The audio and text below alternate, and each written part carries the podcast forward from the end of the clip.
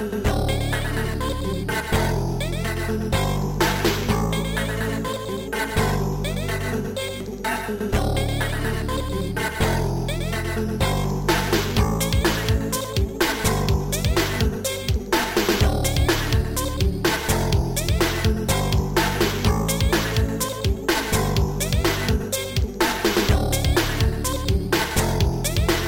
Velkommen skal du være til en splitter ny episode av Lolbua, nemlig episode 335. Den nest siste før jula tar oss alle eh, i koronaens tid. Det blir begrensa jul på alle sammen, har jeg skjønt. Så også på meg. Jeg driver og får en veldig komplisert familiekapal til å gå opp nå, med ulike besøk på ulike uker. Mer stress enn noen gang denne jula, eller hva, Lars?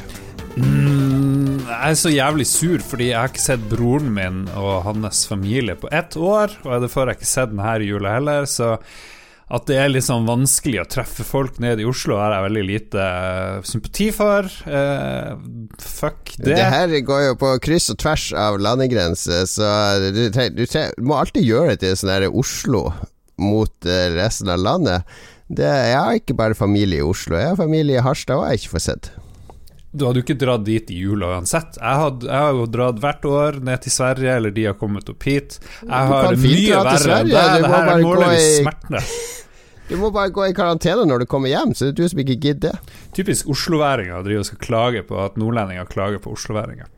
Ja, Men i Sverige så, så, dør det vel 200 i døgnet eller noe sånt, så har du virkelig lyst til å dra dit? Nei, ikke sånn veldig. Sverige er jo mer svartedauden enn korona, har jeg inntrykk av. Ja, det er litt spesielt. Det er litt artig å gjøre narr av Sverige. Det er liksom Etter Oslo så er det jo Sverige alle liker å hakke på. Det er jo en, det er jo en komplett fadese, da. Og din bror, som vi har hatt som gjest før, han, han, var, han forsvarte vel Sveriges strategi før. Hva sier han nå? ja, det er litt spesielt, for han var sånn Ja, la oss nå vente og se. La oss vente og se, la oss gi han tegnell tid. Men nå så har han vel gitt helt opp hele greia der. Men og det er så deilig når Norge for en gangs skyld hadde rett, og Sverige mm. har Det er så skjev. Sverige er liksom alltid den der eh, pappaen, den der fornuftige pappaen som gjør det fornuftige, så resten av Norden ser til og Ok, vi får gjøre sånn som Sverige, de har som regel rett. Og så nå, for en gangs skyld, så har pappa drukket seg full og Altså, det de er komplett irrasjonelt, sånn som de har holdt på det siste året. Så, så det, er, det, er, jo ikke deilig at folk dør der borte. Folk må ikke misforstå det her. Men det, det, er, så, det er så uvanlig. Det er så rart av Sverige å liksom ja. drite seg så ut. Men har svenskene mindre empati enn andre? Fordi det dør jo svake og syke over en lav sko, men det, de, de fortsetter jo. De fortsetter jo med samme tralten, liksom det virker som de har en sånn empatisk dissonans oppi det her. Jeg, jeg syns, det, jeg synes det, det, fremstår De fremstår som et veldig rart og kaldt folkeslag. Så jeg tror Sverige, Sveriges renommé i 2020 har endra seg veldig på verdensbasis. Mm. Eh, Stockholm-syndromet har fått en helt ny eh, betydning, rett og slett. Ja. Apropos Stockholm-syndromet. det, det, er ikke apropos, men vi må alltid si apropos når vi introduserer tredjemann. Uh, Philip, velkommen tilbake. Det har vært en stund siden sist. Hei, hei, hei. Her er jeg og den stygge østlandske dialekten min, så det er bare å beklage til alle lytterne og forsikre om at Mats er snart tilbake. Det er flere måneder siden vi har hatt en østlending inni her. Ja, og det har lyttertallene reflektert også, så da ta en hit nå, før jul. Men det, det er ålreit. Det er hyggelig å være tilbake, og buhu, synd på dere. Når Sist var det jeg feira jul med min eh, familie i Bogotá, tenkte jeg. Mm. Philip, eh, du har jo indirekte ganske heavy connection til nazismen gjennom at du har DNA fra Sør-Amerika, og mange fra Det tredje riket flykta jo dit etter andre verdenskrig. Ser du noen sterke paralleller til eh, Sveriges oppførsel under andre verdenskrig og under pandemien nå? Eh, ja, det er litt den samme apatien, naturligvis. Det er noe jeg ofte hørte om fra besteforeldrene mine Når jeg var liten i Colombia før de sendte papir. Nei. Eh, av oss to, Lars, så er det vel du som er hakket nærmere den eh, type ideologien enn det de er. Nei da, vi skal ikke gå i altfor inn i det for tidlig, skal vi vel? Nei, jeg, jeg vil heller kaste Jon Cato under bussen når det gjelder nazisme, for han har jo slekta jo full av landssvikere der. Ja da, mine, mine slektninger er eh, oppført i disse bøkene om nazismen i Norge, så sånn er det nå. Vi er jo ikke slekta vår, vi er jo oss sjøl. Ja. Jeg syns det er interessant det med den svenske apatien som Philip snakker om under annen verdenskrig. Ja, vi får vel se hvor det går, da. Under korona. Ja, vi får vel se hvor det går, da. Under Tsjernobyl. Ja, vi får vel se hvor det går, da. Altså, er det, er det den svenske tilnærminga? Bare lene seg tilbake og se hvordan det går? Ja, Det er veldig merkelig, for jeg kjenner liksom noen svensker gjennom internett, og jeg, jeg har jo bare intelligente mennesker i min omgangskrets, eksempel dere to. Um, og de er veldig oppegående folk, men når det kommer til dette koronagreiene, så er jeg sånn Å, hvorfor gjør ikke Sverige noen ting? Vi gjør noen ting. Eh, Ja, dere gjør liksom noen ting, men dere gjør liksom kjempelite. Ja, vi, gjør passende ting. Ja, men det går jo skikkelig dårlig, da. Det kunne gått verre. Ja. Optimist. Tror det går bra til sist. Kanskje var det svenskene den Jahn Teigen-sangen handla om. Hva har skjedd i våre liv siden sist? Eh, det er jeg veldig spent Du på. på Jeg må bare bremse deg. Det er jo Ja. pga. av Melodi Grand Prix at Sverige gjør så lite. For de er jo sykt opptatt av MGP. Og bare hvis vi later som ingenting, så blir det Melodi Grand Prix som vanlig. Det var jo det som var den store teorien der borte. Dessverre så gikk ikke det bra, men de vet jo at folk får jo ikke vaksine og sånt før neste Eurovision heller, så de, de liksom bare prøvde å holde alt normalt, sånn at de skulle få være med eh, neste år. For det, hvis det er noe de er opptatt av, det er ikke pandemi, det er Melodi Grand Prix. Prioriteringslista i Sverige for vaksine På topp er eh, Eurovision-deltakerne, de som skal være med i uh, svenske finalene i Eurovision. De må vi for all del uh, beskytte, så at de kan representere landet, tenker jeg. Og apropos Eurovision, det er et bra segment inn til hva som har skjedd siden sist. Fordi siden sist, det er to ting jeg skal dra fra. Det ene kommer, kommer Philip til å kaste seg på, så jeg tar det, det andre først. Det er nemlig Maskorama er over, karer! Hva syns om Maskorama? Uh! Jeg må bare open new tab. Maskorama Det er noen Ja. TV-greier. NRK. Jeg har ikke sett en Det er jo eneste episode. folkefesten! Folkefesten! Jeg har ikke sett noen episoder! Nei, Jesus Christ! Her har millioner av nordmenn vært engasjert hver uke for å finne ut hvilke kjendiser skjuler seg bak masken. Altså, det er maskerte kjendiser på scenen. Ingen vet hva de er. Folk har ligget i skjul utenfor studio for å prøve å se hvilke kjendiser som ankommer. Masse spekulasjoner og betting på nett. Og i går så ble det Ulrikke stakk av med seieren eh, som trollet. Markus eh, Hva han heter Markus Bailey eh, var jo Elgen. Åh, Elgen det har jeg vært innom. Var så, han var så høy, så jeg har vært innom mange det har virkelig engasjert i vårt hjem. Og jeg så første episode var på hytta, bare i alle dager er det NRK bruker penger på på lørdagskvelden. Det her er det dummeste jeg har sett. Sånne kjendiser som har forkledd seg, som skal stå og synge. Trygve Slagvold Vedum, han tok jeg med en gang. Han var fugleskremselet. Men han kunne ikke synge heller. Men jeg så på hele oppførselen at det var en sånn bondeknøl inni der, og det var det. Det var Trygve. Så, men det har vært superengasjement blant mine barn og i min familie. Det har vi sittet benka hver lørdag. Og det media skriver nå, er jo at nå er Maskorama over. Hva er det nå vi skal samles rundt i pandemien for å glemme alt? Jo, det er Eurovision neste. Nå må det bare bygges opp med gigantiske delfinaler, og bare få showet opp og frem og gå, så at det norske folk kan samle seg om Ja. Tenk at Eurovision og maskerte kjendiser skulle bli det vi, vi lente oss mot når krisa er så størst. Mm. Mitt problem er at jeg vet ikke hvem norske kjendiser er lenger. Jeg vet hvem folk i Harstad er, det, liksom, det vet jeg. Men nasjonale kjendiser som er på NRK, TV 2 og sånne ting, ser ikke på det. Det er jo bare gamlinger. Men her bekrefter jo du at du er en gamling, Jon Cato. Philip han aner ikke hva det her er. Ja, men jeg har barn. Altså, du blir eksponert for mye ufrivillig når du har barn, og det er ganske positivt å ha eh, noe rundt deg som drar deg i forskjellige retninger. Ellers så blir du sånn enspora idiot som sitter på nettet og raser mot Anita Sarkisian og, og Gamespot sine anmeldelser av Cyberpunk 2077. Ja. Hvis du ikke har korrigerende elementer rundt deg som gir deg nye innflytelser, og tvinger deg til å bli eksponert for ting som du ikke ville valgt sjøl, så blir du en idiot. Det er, det er min teori. Så, så jeg, Nå mente jeg ikke å kalle dere to for idioter, men Ja, men jeg jeg- gjorde jo det. Jeg klagde for ti minutter siden, så drev jeg og sendte sinte mails til Anita Sarkisian. Så det har du helt rett i, da, fordi jeg ikke har sett Maskorama. Jeg tar selvkritikk. Jeg, henger meg litt opp i dette med kjendiser. For jeg leser en VG-artikkel her nå om trollet, elgen og vikingen i finalen. Altså hvem de var bak maskene. Men jo- jeg har ikke hørt om noen av disse folka før. Markus Bailey, kjent fra barne-TV, NRK Super. Ulrikke Hun var jo egentlig den som kom til å vinne Eurovision, men hun skulle egentlig representere Norge i Eurovision i år. Wow. Så hun er en ganske stor kjendis, det burde dere kjenne til, da, for guds skyld. Og Herman Dahl er jo gigasvær YouTuber, en av de største i Norge. Jeg tror, vet, dere vet hva YouTube er? Uh, det er òg for gamlinger. Åh, dere altså Men er, her burde jo I Harstad hive seg på og lage Du sier bare kjenner kjendiser i Harstad. Jeg bare får kjendiser i Harstad. Få Per-Willy Amundsen til å kle på seg en maske, så kan han synge bryllup i Negerbyen med, med Erik eh, Reidar Bø og de. Sånn så, så, semi-apropos, jeg ser at elgen gjorde Gold Digger av Kanye West. Hvordan forholdt NRK seg til alle N-ordene? Uh, hvordan er det refrenget igjen? Uh, and you know she's a gold digger, but she ain't going for no broke, broke, uh. And you know she's a gold digger, And she ain't going for no broke, broke, uh. Ja, det, det passer ganske Det hadde de løst ganske bra, men nå er det jo sånn at Marcus Bailey er jo svart, så egentlig hadde han hatt lov til å si det, men elgen er jo ikke sånn? svart, så det, det er et dilemma. Et Hvem, dilemma. hvem sang WAP med Nicki Minaj? Eh, Den ble ikke sunget, men, men uh, han uh, vikingen han sang jo Fy faen, som er veldig fin. Fy faen, fy fy faen, dikki dikki di Og da var det mye banning. Ungene elsker den sangen, da kan de synge med og banne så mye de vil. Det er regelen hos oss. Men Jon Cato, i går Ja. halv åtte på kvelden oppdaterte VG saken sin, og NRK bekrefter ny sesong av Maskorama. Ja, ja, ja, ja, ja.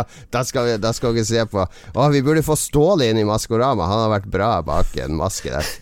ja, altså, altså vinner Ståle til alt, fordi han er ganske god til å synge. Tar han ingen som klarte å gjette at det var Ståle Å, det er Ståle fra Ragequit og Lolbo! Wow! Så store skal vi bli en gang at Ståle kan være med i Maskorama. Men ja, det er det, det som har skjedd i mitt liv. Og i tillegg så har jeg, og Philip for så vidt, hver for oss på hver vår kant, vi har uh, satt sammen nye datamaskiner. Rett og slett bygd uh, PC-er Da går jeg og henter litt snus mens denne samtalen pågår. Ja, Philip, du har, du har, uh, du har laga deg megakraftig PC, er det så? Bare for å spille et dødt spill som Heroes of the Storm? Eh, det er for å dra Among us i 1000 FPS. Um, Ja. Ja, nei, jeg har, eh, har, har jo bygd PC. Det er jo, liksom du sa, vi har jo gjort dette helt eh, Vi er ikke det, de eneste som har gjort det, eh, heller. Dag Thomas driver jo og oppgraderer også, og det er mange andre, Fordi nå er- skjer det jo så mye gøy på PC-fronten med disse nye Det har vært en stor høst for PC-komponenter, men også en frustrerende høst, for det er veldig vanskelig å få tak i komponenter. Ja, definitivt. Um, jeg har også sittet og venta. Jeg var egentlig veldig gira på de nye AMD-skjermkortene. Um, var egentlig ganske, ganske satt på de, men så forsto jeg når Linus Tech Tips, som jeg stoler mye på, det anmeldte de, og de Ja, bli, bli og glad, tech. Jeg begynte å se på Linus, jeg, og Mm. hyggelig fyr. underholdende type. Og kan, kan sin tech. Og eh, han nevnte noe om at disse, de nye, eller de AMD-kortene, de bruker en helt annen codec til f.eks. streaming, og den er visst dritdårlig. Um, så hvis man har lyst til å streame i en litt ålreit kvalitet, så er det, da må man nesten ha Nvidia-kort. Så da blei det det, da. Så Men uh, du, du, du får jo ikke tak i 3080. Hva var det du gikk for da? Uh, Det er jo litt vanskelig å få tak i 3080, men heldigvis så finnes det greit med 3090-eksemplarer der ute. What?! Det 20, det er jo fem PlayStationer, liksom. Ja, men du får jo ikke tak i PlayStation. Nei, nei. Så kjøpte jeg 3090-kort, et MSI Gaming Trio X, som er en ganske ålreit utgave. Um, jeg skal innrømme at jeg er ikke så desperat at Fordi Digital Impuls, eksempel, de hadde noen litt dårligere 3090-kort inne, og jeg tenker hvis du først skal bruke 20 000 pluss på skjermkort, så gidder du ikke kjøpe en versjon som er litt halvveis. Så ja. nei.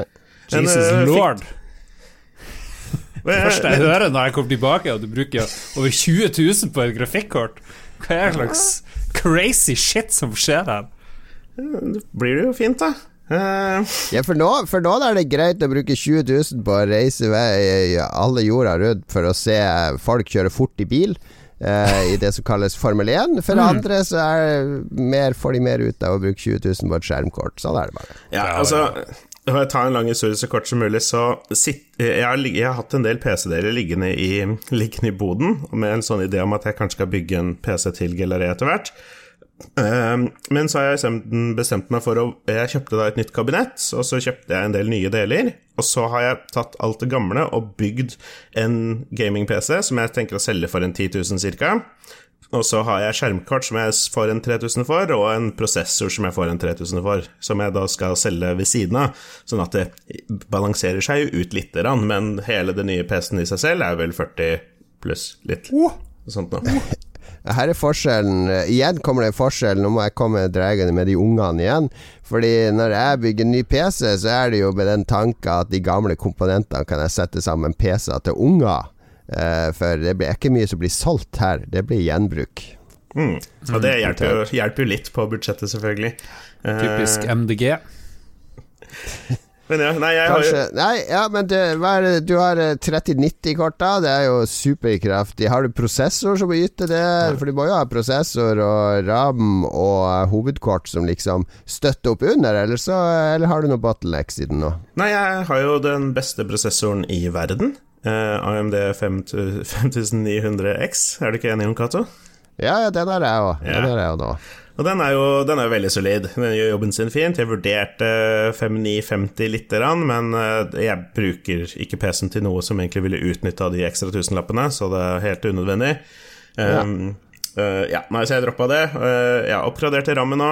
Og hovedkortet mitt er mer enn solid nok, for det oppgraderte jeg i fjor, så da er det egentlig generelt sett good to go. Og satt på litt sånn AIO-kjøler og sånne ting med en litt sånn kul LED-skjerm som i akkurat nå viser den vakre Lolbø-logoen. Åh, jeg har sett video, det er så tøft. Det er gøy, men det er tilfredsstillende, fordi jeg gjorde akkurat det samme. Jeg egentlig skulle jeg ha 3080-kort i høst, men det er egentlig litt sånn hell i uhellet at jeg ikke fikk tak i det, fordi resten av PC-en min begynte å bli altfor gammelt. Eh, prosessoren min var en sånn eh, Rysen 7 1800. Det er bra for streaming, men jeg merka at i moderne spill så begynte det å lugge her og der. Altså Framerate kunne være bra, men det kommer de der uh, Hva heter det Stutters og sånn, som er det, det er, det er hva heter det, gamebreaker for meg. Altså, det, det, ødelegger alt hvis du ikke har flyt eh, i 3D-spill. Eh, så at, eh, jeg skjønte at prosessoren måtte byttes ut, og da måtte jo hovedkortet tas i samme slengen, så jeg oppgraderte begge de, da. 5900 eh, fikk jeg også tak i fra AMD, som er en helt fantastisk bra prosessor.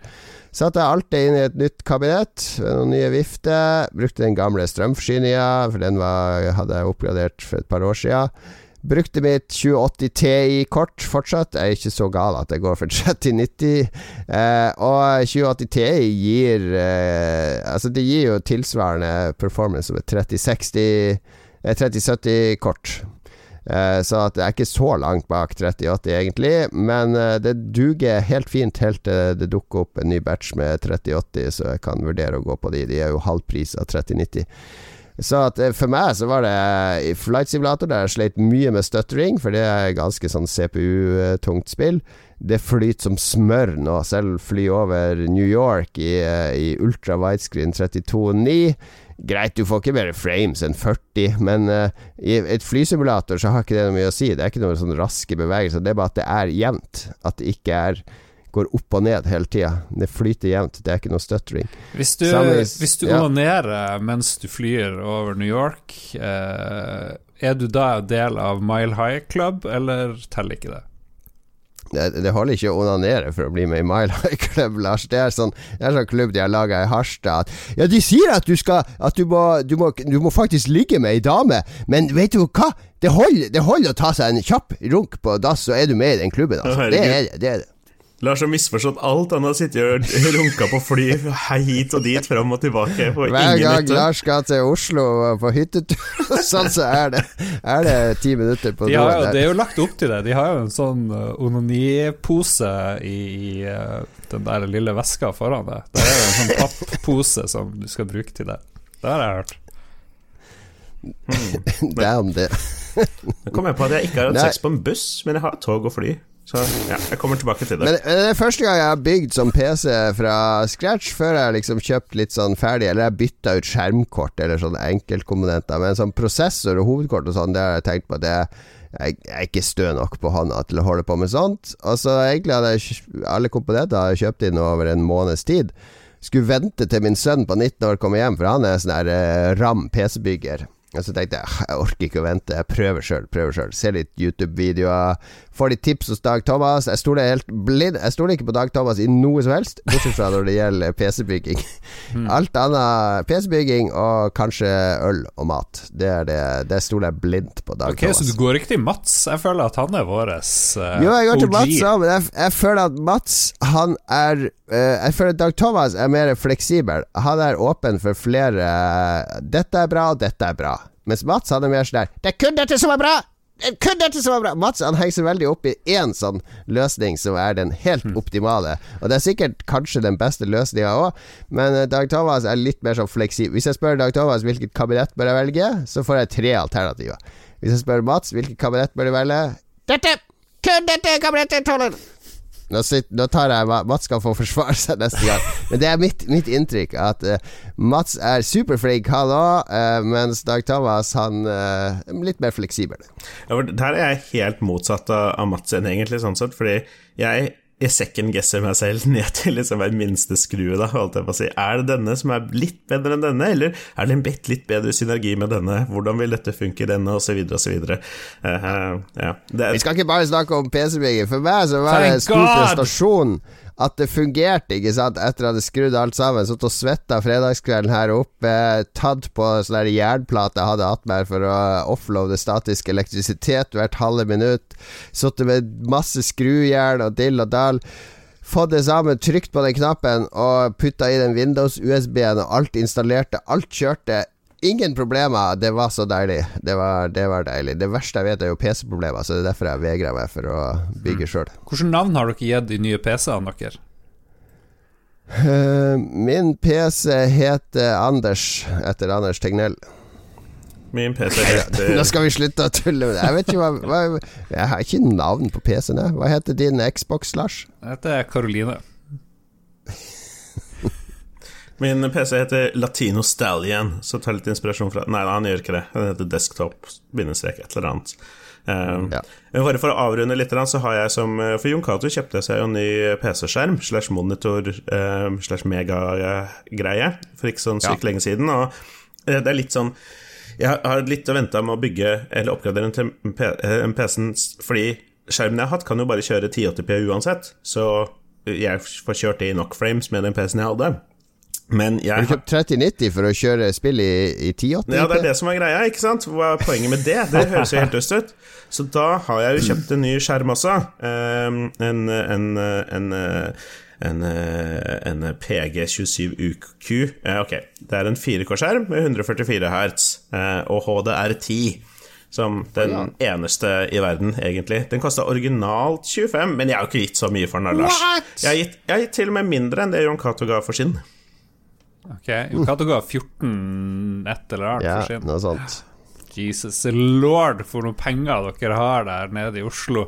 Typisk Oslo, der er det kaffe latte og dyre PC-komponenter. Det er der verdiene produseres, at verdiene blir. Ja, jeg kommer tilbake til hvorfor dette er verdt det i eh, Hva har du spilt siden sist, men eh, Ja.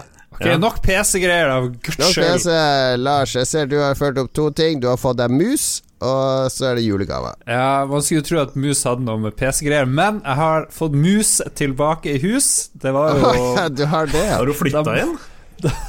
da, Nei, da Mats bodde hos meg i noen måneder for en del år tilbake. Typisk bygdeproblem. Uh, uh, uh,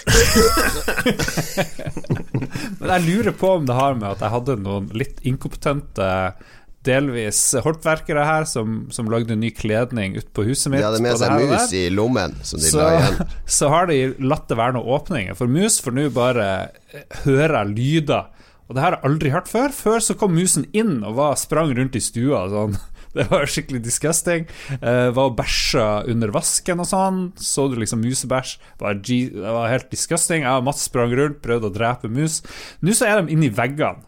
Og det høres ut som Jeg har ikke bare mus, det høres ut som jeg har rotte. Det høres ut som sånn derre Sånne høye lyder. Jeg bare sier Jesus, hva er det som skjer? Men det som er så bra, er jo at jeg har masse gift som jeg ikke tror er lov lenger, men det har jeg igjen fra gamle dager, fra for, for tre-fire år siden da det var mus så det har jeg bare lagt ut gift så er tolv steder rundt i huset.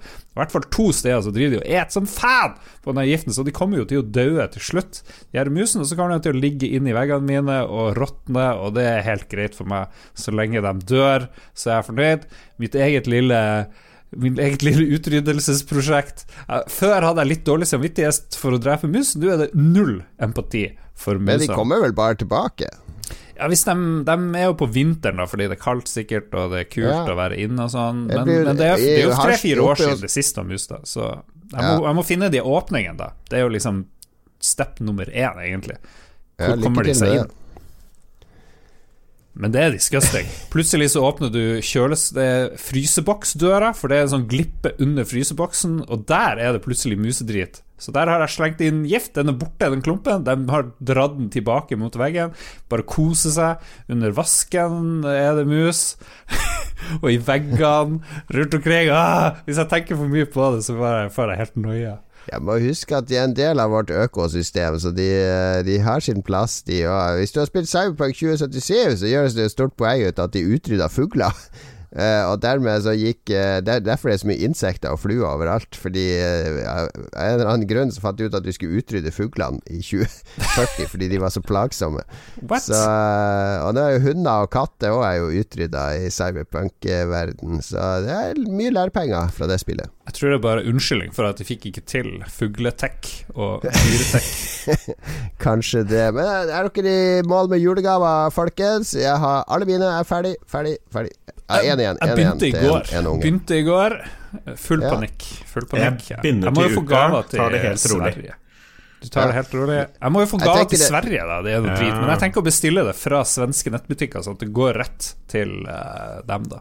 Det. Ja, Det er lurt. Det er veldig lurt. Jeg, jeg ser for meg Lars er sånn julegaveshopper som løper rundt med sånn armene ut til sida, masse handleposer i siste liten gjennom kjøpesenter. Ja. Philip, du er mer sånn avmålt, sitter på PC-en og bare eh, bestiller med Portbuddy, som vi har i Oslo. Leverer på dagen. Hmm. Jeg har en eh, god idé, klar idé på hva folk skal få.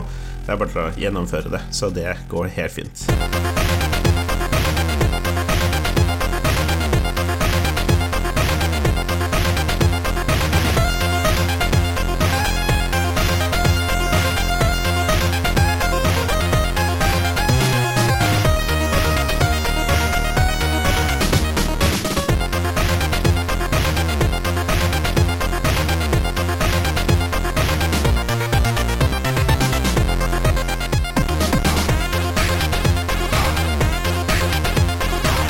Fortsetter vår oppsummering av det beste året har bydd på. Det har jo vært et eh, møkkaår eh, for de aller, aller fleste med korona. Og jeg tenkte på det i går. Da var jeg faktisk eh, brøyt jeg mitt løfte om aldri mer å gå på kjøpesenter, for jeg måtte på et kjøpesenter for å kjøpe noe. det er ingen som tror på de her løftene dine, for de bryter du hele Kona mi beordra meg ut, på med ansiktsmaske, gikk rundt på Strømmen storsenter. Og eh, alle gikk rundt i maske, ikke sant. Det var masse folk der, alle gikk rundt i maske. Da tenker jeg, hvis jeg hadde hvis jeg hadde laga sånn science fiction-film for to år siden om Oslo 2020, alle går i maske og sånn Folk bare ah, Det der er veldig søkt. Det kommer aldri, aldri til å skje at det kommer noen sånn pandemi, og at alle går rundt i maske og sånn. Men det var, da følte jeg liksom at jeg levde i det, en sånn der dystopisk eh, film. Alle går maskert hit og dit. Eh, folk er flinke til å følge maskereglene, så det er bra. Kanskje Maskorama har bidratt her til å gi ny respekt for maske i befolkninga. Faen meg bare Maskorama i denne sendinga her. Jeg sporer av igjen. Vi skal jo kåre det som har vært bra dette året. Det som har vært de fine opplevelsene. Og vi har tidligere tatt for oss eh, bøker, TV-serier og eh, musikk, eh, der vi har delt vår innsikt i hva jeg og Lars har likt. Det vi som har vært den røde tråden her. Vi fikk gode tips fra Dag Sørås om eh, bøker for to episoder siden. Mm.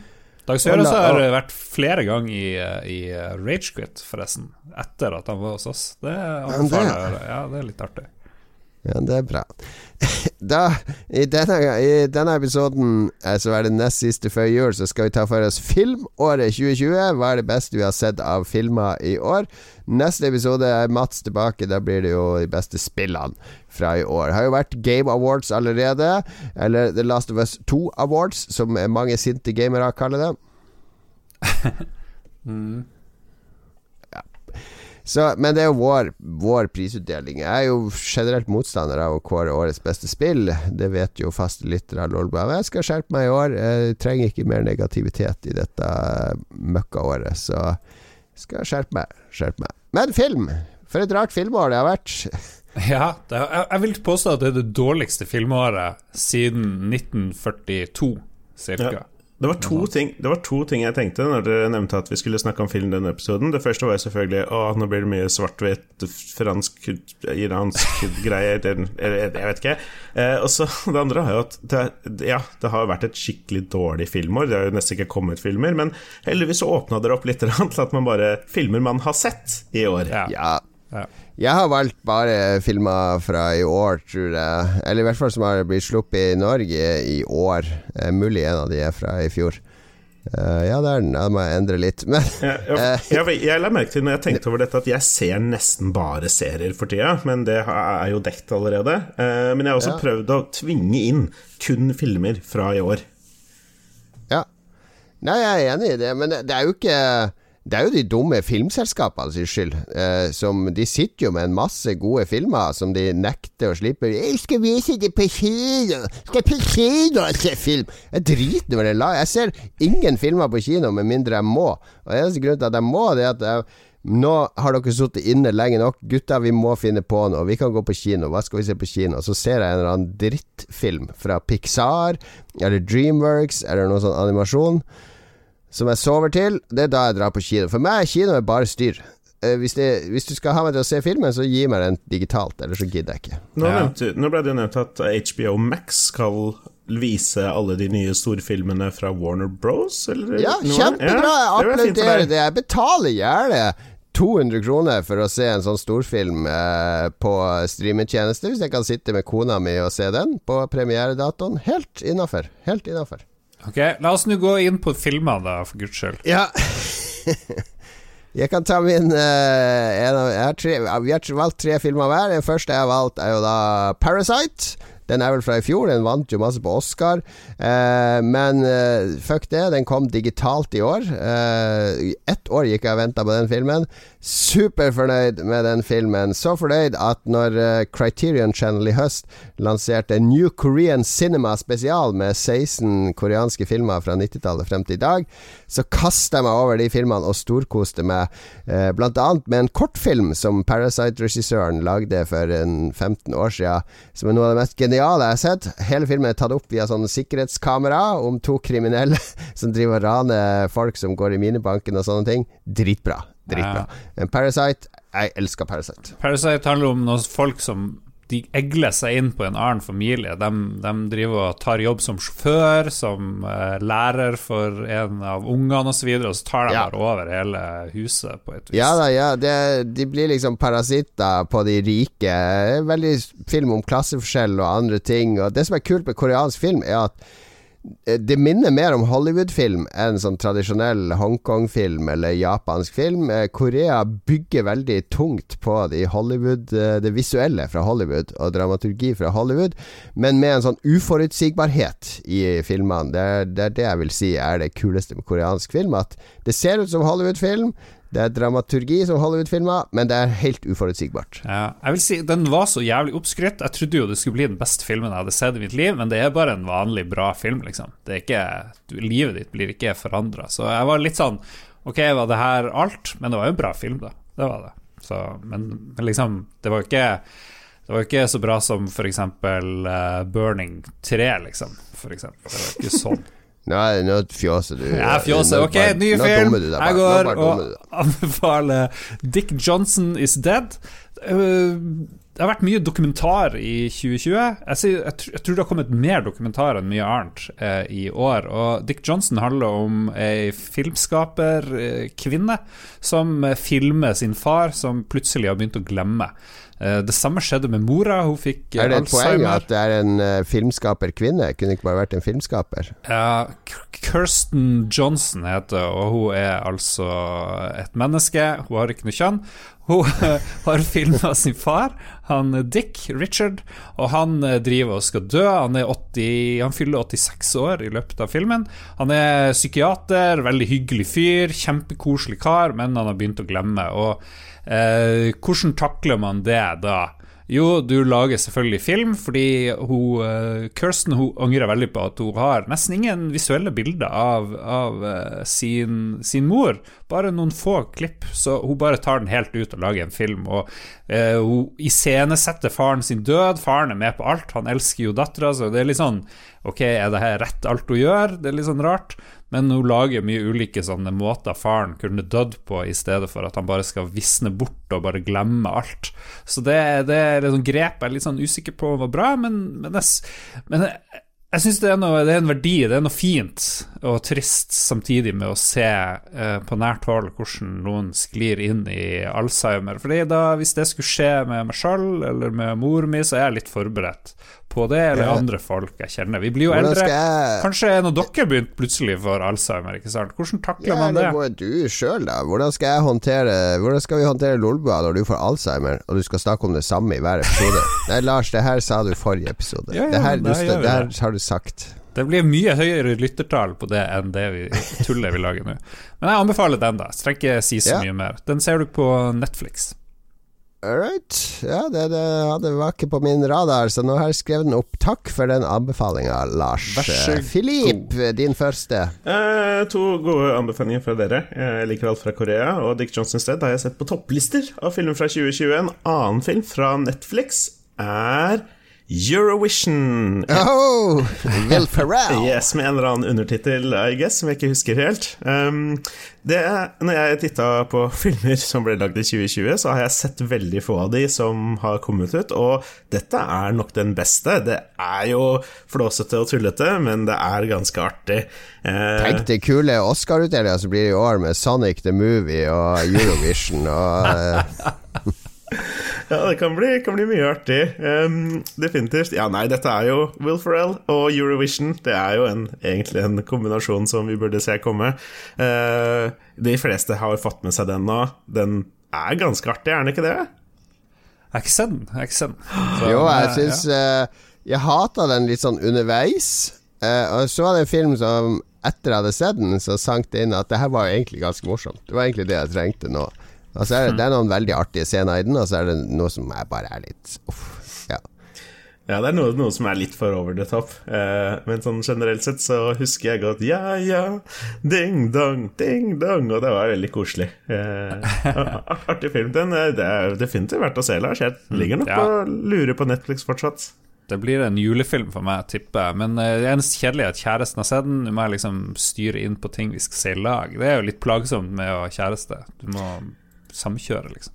Ja, Det er nesten derfor Det er nesten utelukkende derfor jeg har sett så lite ny film i år. Eh, det er jo Gelleré, eh, igjen fra Iran, så hun eh, det er masse film hun ikke har sett, og masse film hun har sett, men det er litt tilfeldig hva hun har sett. Så de siste har jo liksom sett Team America, Independence Day, du vet alle disse klassikerne oi, som oi, oi. man burde ha sett, osv. så videre. Så det går mye sånt. Men ja, Eurovision, den koser vi oss med. Uh, All right. Min neste uh, film Jeg skal dra frem Nicolas Cage, uh, som kanskje er tidenes over the top actor. han spiller mye rart, han har gjort de siste årene. Blitt, det må være slitsomt å være sånn levende meme. Altså, han, han er jo egentlig bare et meme nå, mer enn en skuespiller. men det gjør også at han får litt artige roller. Og jeg må innrømme at jeg hadde ikke så store forhåpninger til Color Out of Space, som er en horrorfilm basert på HP Lovecraft uh, sin uh, novelle. Om uh, en sånn greie som kommer fra verdensrommet at en gård, og liksom gjør om hele gården og området rundt. påvirker det, alle blir gale, osv. Men eh, Nicolas Cage løfter denne filmen til nye høyder, og ikke minst cinematografien, hvis det er det det heter. Nå flotter jeg meg med sånne fine ord. Men eh, det, det, handler om en gård med, med Nicolas Cage og, og ungene og kona som bor, og så lander en meteor der, og så blir alle påvirka av det i stor grad. I så stor grad at hele landskapet forandres til sånn lilla, lysende det, det, ser helt smashing ut, den fargebruken i filmen. Altså blir Nicolas Cage blir galere og galere. Det er basically uh, untamed Nicolas Cage som bare ler og smiler og svetter med blod i trynet og sånne ting. Eh, og det, jeg syns den speila den novella veldig bra. Ga den ny nerve og alt, så jeg koste meg med Colorado Space. Mm. Oi, jeg trodde ikke ja, det skulle trodde ikke det skulle bli noen Nicholas Cage-anbefalinger i år 2020. Det er spennende. ja. Hmm. Ok, da skal vi se den. Jeg kan ta anbefale veldig kort en film jeg har nevnt i tidligere år. 'Three Identical Strangers'. Enda en dokumentarfilm om tre brødre som ikke visste at de var brødre. De er del av et sånn sykt eksperiment som uh, har større omfang enn noen ante. Og den setter spørsmål med arv og miljø. Uh, og, og, er ganske rørende. Og jeg kan ikke anbefale den nok, altså. Den fikk meg til å tenke ganske mye. Hvis du er litt opptatt av samfunn og hvordan mennesker er og formes. Ikke sant? Det handler om uh, hvem blir kriminelle, hvem blir uh, syke. Hvem, hvem, klarer seg bra her i livet, og hva har egentlig arv, og hva har egentlig oppveksten din med alt det her å gjøre? Og det, det er en flott historie fra USA, hvor et eh, helt sånn crazy eh, adopsjonsbyrå har bare tatt helt av og, og gått helt amok, og alt er sant. Og det, det, det, er liksom Du tror ikke det før du ser det. Det er jo veldig sjelden akkurat det er sant, men i dette tilfellet så stemmer det. Hmm. Three Identical Strangers, altså. Lurer på om du har nevnt det i Lolbua en gang før, og den tenkte jeg oi, dette høres, eh, høres spennende ut. Den, eh, ja. den, går på lista mi over ting jeg skal se. Absolutt. Eh, hva med deg, Philip? Hva er din neste? Min neste er Borats neste. Oh, Borat, Borat. Ah. Subsequent movie film. Delivery of prodigious bribe to American reg regime for American For make benefit once glorious nation of Kazakhstan. Ok, det burde jeg wow, forberedt meg på. Ja, jeg anskaffa meg jo Amazon Prime her for uh, ikke så lenge siden. Litt seint på, men likevel. Da ble jo den sett som en av de første tingene. Um, i, den er ikke like bra som den første. Uh, kanskje sånn midt på treet et sted. Men den er jo morsom. Den har en del Borat-sjarm fortsatt, så det er artig. Ja, ja, ja. Lars, du nevnte her før sendinga begynte at den syns du var fin? Ja, det er vel den artigste komedien jeg har sett i år. Har ikke sett så mange komedier, men det er absolutt number one. Sånn på hytteturen. Lo godt. Eh, viktig å se med noen folk eh, hvis ikke du ser den alene. Du må ikke se den med noen folk som er sur. Du må se den med folk som ler godt sammen med deg, og da er det bare helt topp. Det er det. Hva er det du sier at man ikke bør se komedie sammen med folk som er sure? Ja, fordi det var jo noen som hadde sett den før, og så var den plutselig mye bedre. Ikke det riktig å sette på i begravelsen. plutselig likte noen som hadde sett den før, mye bedre, fordi de så den med noen hyggelige mennesker, ikke sant. Det, det kan, ja, ja, det er et poeng. Ja. Ja, Men den leverer varene, det gjør det, selv om sjokkeffekten kanskje er litt borte. Ja, og så var den jo knytta opp mot valget og sånn, men jeg vil føle at jeg tenker at den fremdeles er, er, er aktuell. Ja, det, det, det, er sikkert greit nok. Det er bare eh, Det er naturlig at det blir sånn, men det blir mye mer stage av scener eh, enn det de gjorde sist gang, og det tar Det er litt for, det for avgjest denne gangen, da. Men fortsatt artig. Ja.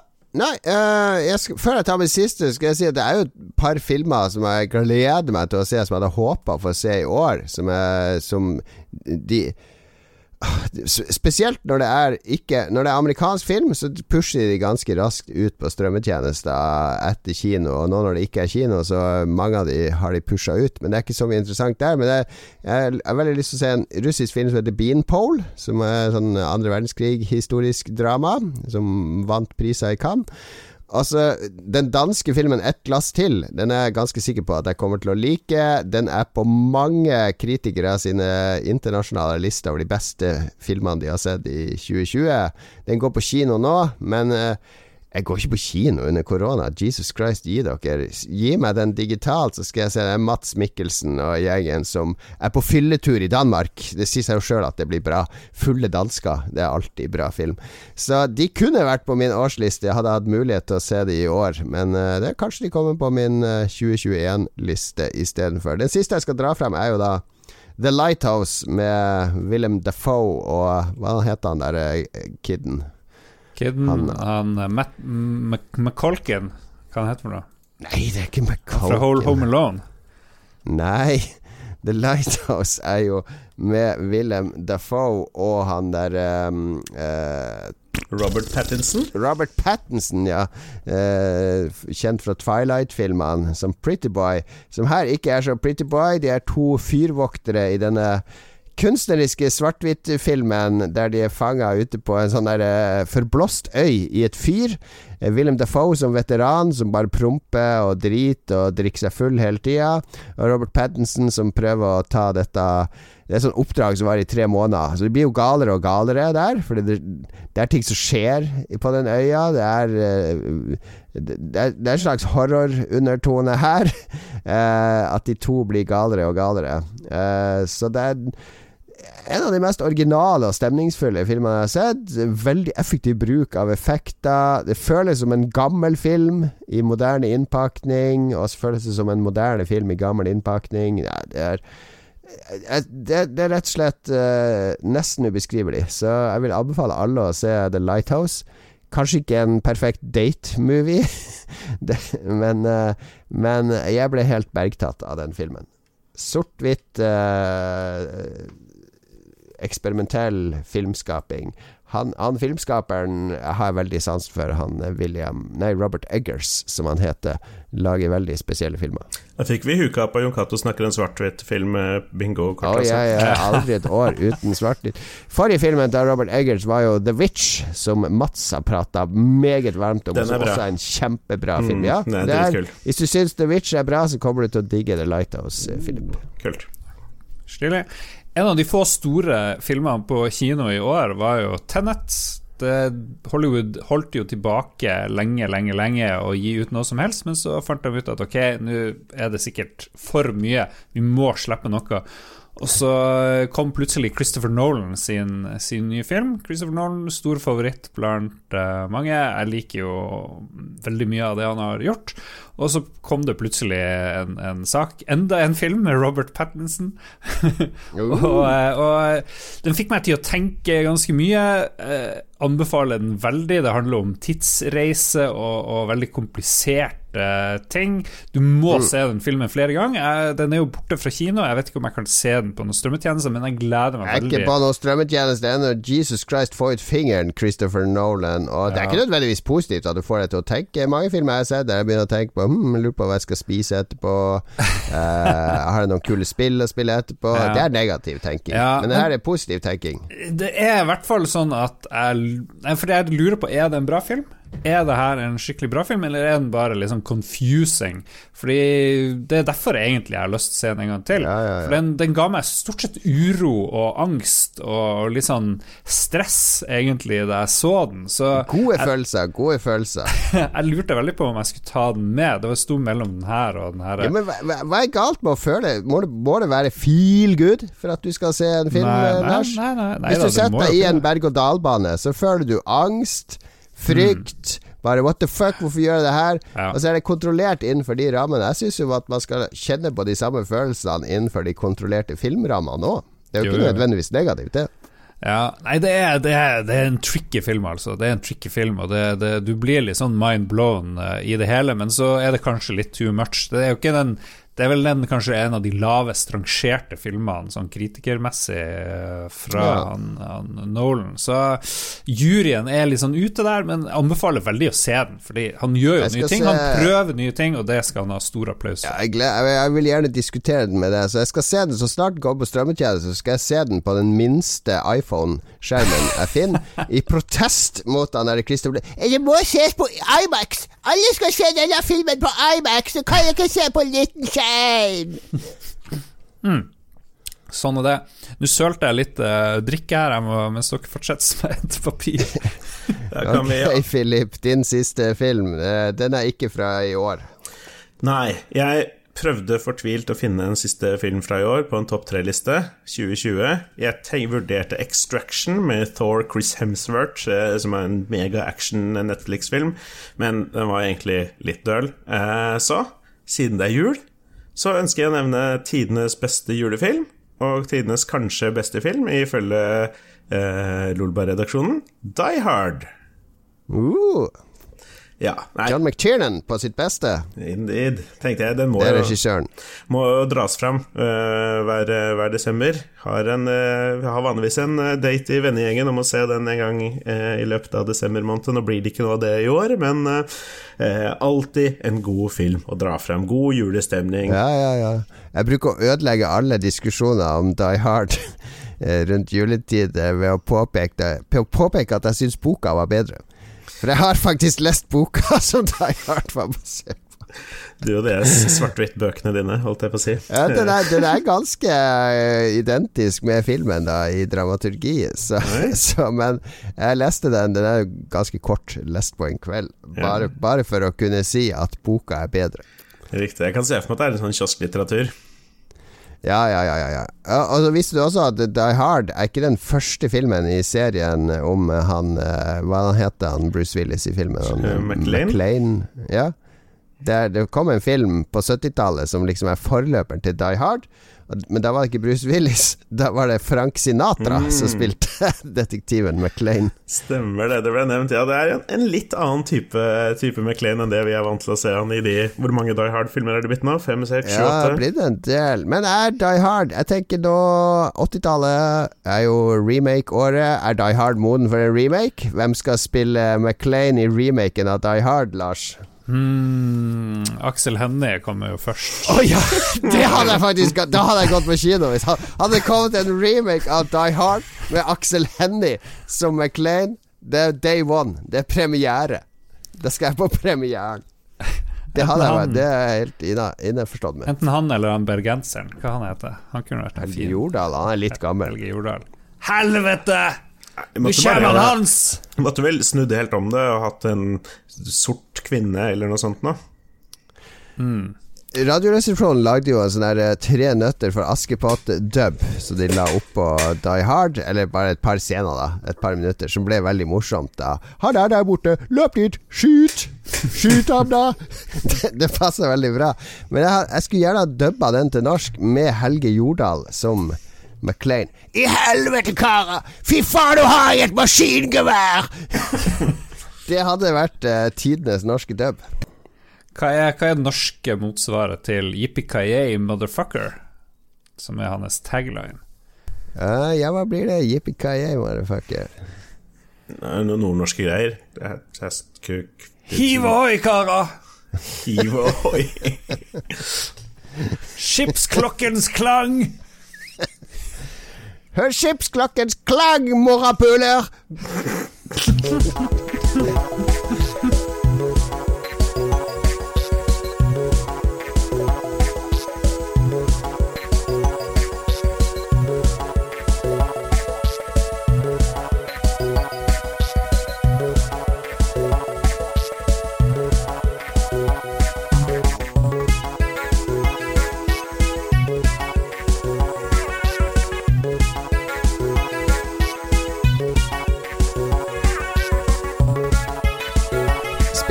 siste er ikke eh, all verden fra min side. Jeg har vært mest opptatt av å sette sammen den nye PC-en, og da også teste Cyberpunk, som er litt systemtungt, og Flight Sim 2020, som jeg har fått fornya kjærlighet til eh, etter jeg bygget en ny PC, fordi før der jeg slet med stuttering og andre ting. Nå går det silkemykt med det aller meste på ultra. Og ikke minst med Ultra Widescreen 32.9 så er det en, en revolusjon. Så i går drev jeg og fløy i timevis opp i Alaska. Kjørte sånn eh, eh, De har en sånn kampanje der der du skal fly mellom 14-15 flyplasser. Helt ytterst på Alaska så er det akkurat som Key West i Florida. Det er en masse sånne små øyer som går innover mot fastlandet.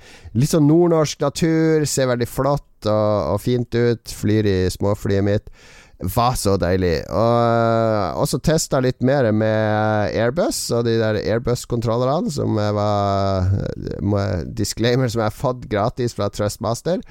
Fordi jeg, jeg, har slitt litt med å fly What? de store flyene. Ja, de store flyene er egentlig enklere å fly, fordi at du baserer deg i stor grad på autopilot, og du kan jo lande på autopilot og alt sånn. Eh, men for meg handler det jo om innlevelse. At jeg har instrumenter som ligner, og at de er plassert sånn som de er i cockpiten, og at jeg kan leke at jeg sitter i cockpiten. Så nå når jeg begynner å mestre airbussen mer, med de der to kontrollerne, så må jeg innrømme at jeg liker de der ruteflyginga. Men det er litt sånn å høre på podkast. Jeg syns det er juks å spole til jeg skal lande, liksom, hvis jeg skal fly fra Oslo til København. Jeg må ha hele flyturen, så det blir litt sånn ja, det blir ren avslapping å høre på musikk, gjør jeg mens jeg gjør det. Jeg, vet, tror ikke kapteiner får lov å gjøre det i cockpiten, så det er kanskje litt urealistisk, men ja, eh, De gjør sikkert masse rart i den cockpiten, tror du ikke det? Ja. Men jeg anbefaler Altså, utstyr er viktig i Flight Simulator hvis du spiller det med en Xbox-kontroller, og det er kanskje det jeg er mest skeptisk til nå, fordi det kommer jo på Xbox til sommeren. Hvis du spiller det med en Xbox-kontroller Det er for så vidt greit med sånne bitte små fly når du skal bare fære på sånn bushtrip og lande på slette og rundt omkring ute i, ut i ødemarka og små flyplasser og sånn. Men for meg handler det litt om at det skal ligne på virkeligheten, og at jeg skal ta på ting som får meg til å føle at jeg er i den cockpiten. Så ja, jeg er litt skeptisk til den Xbox-versjonen. Men de Trustmaster-kontrollene er bra hvis du vil fly de store storflyene. Som du har fått gratis? Drev du og tigga Trustmaster om uh, gratis Nei, jeg kjenner jo han Tobias der. Han er jo uh, tidligere nordisk mester i barista, så jeg har vært med han i London en gang. Så jeg drev, da jeg så at de hadde agentur, så sa jeg at du, jeg driver og spiller Flight Sim. Jeg har jeg har jo kjøpt ratt og throttle og Ratt. sånne ting. Ja, sånn, sånn, yoke, som det heter. Og throttle. Mm. Så jeg har ganske bra utstyr, men jeg vil gjerne teste med litt forskjellig utstyr. Fordi det er noen cockpiter bruker spake, noen bruker ditt. Og så så at han hadde trustmaster, så hvis du har noe til overs, noe kan sende ut, så tar jeg gjerne en sånn. For jeg kan ikke, jeg kan ikke kjøpe alt av utstyr. Det eneste jeg har lyst på nå, er den derre uh, Throttle-saken, som ser helt sinnssykt bra ut, men den har vært så forsinka, den produksjonen, så jeg tror ikke den kommer før i, i uh, januar. Mm. Jeg vil ha en video hvor du viser frem alt, alle mulige kontrollmetoder. At du modder en Commodore 64-stikke. Ja, hvordan er det å fly Boeing 737 med, med Jeg har tenkt på det, faktisk. Jeg har tenkt på det Så det er ikke umulig at jeg kanskje lager en sånn video på nye. Men jeg har lyst til å vente til den honeycomb-throttelen kommer, for den er liksom prikken over i-en i en sånn video. Da kan jeg vise litt billigere utstyr og litt dyrere utstyr. Og ja forskjellig utstyr. Og ellers har du begynt å spille Cyberpunk 27 2077 for andre gang, og det er jo et ja. veldig godt tegn, tenker jeg egentlig. Første gjennomspilling ble jo litt uh, rusha for å komme gjennom hovedhistorien før man skulle anmelde og sånn, så det er så mye jeg ignorerte av sidehistoria der. Så nå har jeg sånn kosegjennomspilling der jeg bare storkoser meg i Night City. Jeg er kommet gjennom den prologen. For alle som har spilt det, så vet jeg at det er en relativt stor prolog før du liksom blir sluppet fri i den byen. Og Jeg har akkurat kommet på det punktet nå at jeg bare suser rundt. Og så har jeg skrudd opp vanskelighetsgraden et tak, opp til hard, fordi det er ganske lett på medium, egentlig. Det er veldig lite motstand der. Uh, så at jeg har tatt det opp på hard, og da, da syns jeg kampene ble mye kulere. Nå er det mye mer intenst og nervepirrende. Kjører jeg utelukkende sånn her shotgun Guns og muskelbild nå nedprioriterer intelligens og sniking totalt. Uh, hvis, hvis uh, det er et lager full av skurker der jeg skal redde noen, så sparker jeg inn døra og begynner å skyte. Drit i den snikinga. Nå er det guns blazing. Og det er ganske bra gunplay i det spillet, faktisk.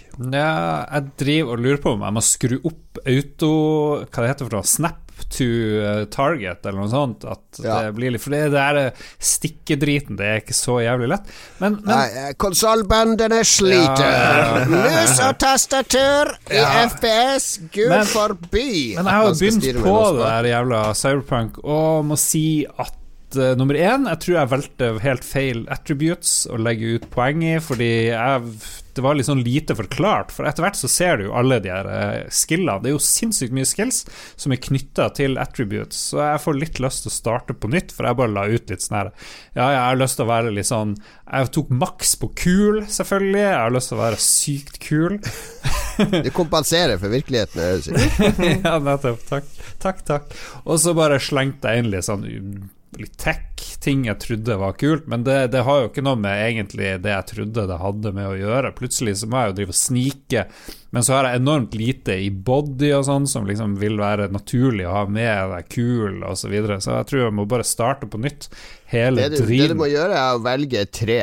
Det er det min taktikk. Du velger tre, og det er nesten uansett hvilke tre du velger, så kommer du til å klare deg greit. Uh, og så ignorerer du to av de.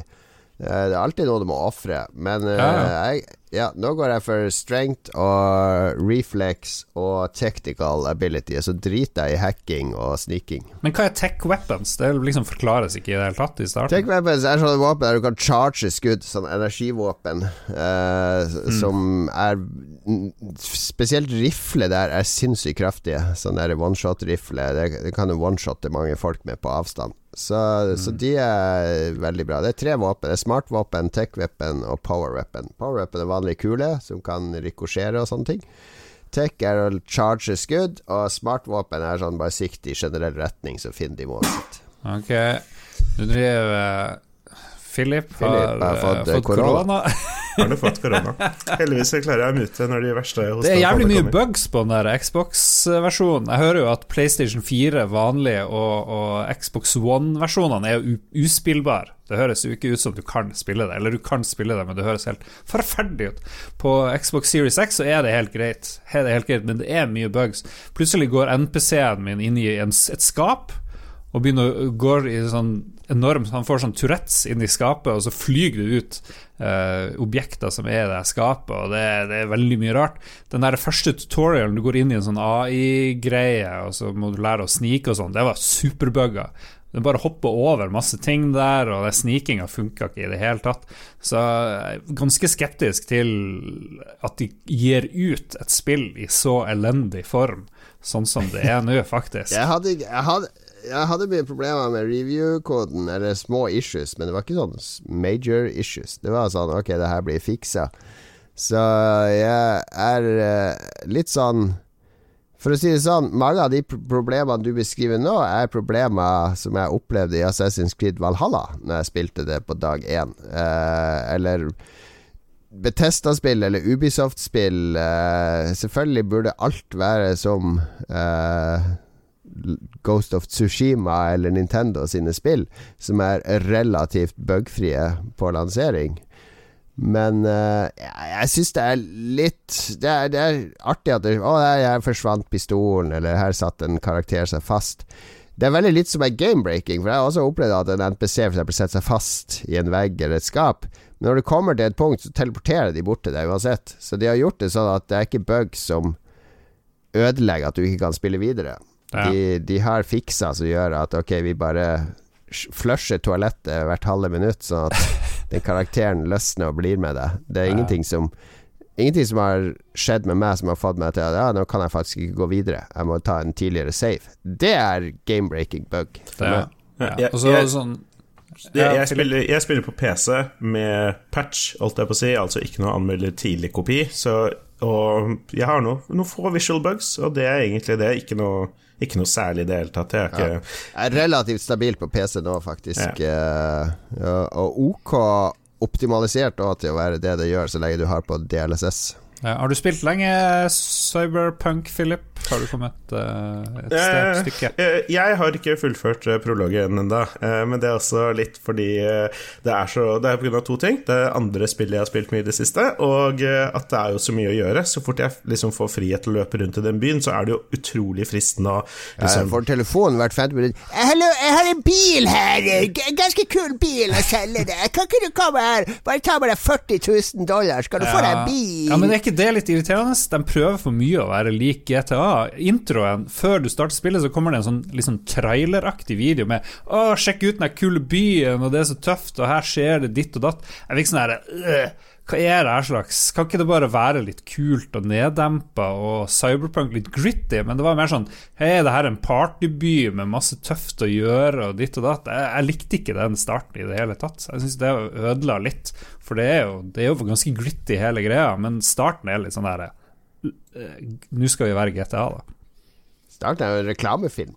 Ja, hvorfor det, begynte du med det, det, da? Det er jo Fordi det er jo, det er jo sånn hele reklamene fungerer i Night City. Hvis du ser på de her TV-skjermene og sånn i heisene, så er det jo sånn de presenterer ting som noe tøft og kult og greier. Ja, men det ser ut som en reklame for at, GTA uh, Online. Det ser ut som noe sånn her de har bare stjålet. Ja, ja, ja. Nå må jeg dra om tre minutter, så da får dere fortsette på egen hånd. Uh, ja, ja, vi klarer, mm. klarer det. Men uh, du sa det var noe annet du hadde spilt. Vi pratet jo så mye om Cyberpunk forrige gang, så vi trenger ikke å ha to episoder med så mye cyberpunk. Vi trenger å vite hvordan det går i World of Warcraft, uh, Philip. Ja, fordi det har vi snakka om de siste månedene også. Du hadde plukka det litt opp igjen for å være klar til ny expansion og sånn, og nå har den nye expansion kommet, og den har jeg spilt ganske mye. Jeg er nåla tilbake i armen, og ja. 3090 for the win mm. til World of Warcraft! Det er en av de nye sonene. Bastion ser veldig fint ut i 4K med litt raytracing og sånn, så er det ikke at det er så mye av det, men ja ja, dere skjønner. Er raytracing i WoW nå? Kanskje, kanskje, ikke så mye av det i World of Warcraft, men ja, nei, dere skjønner. Det er uh, for mange FPS,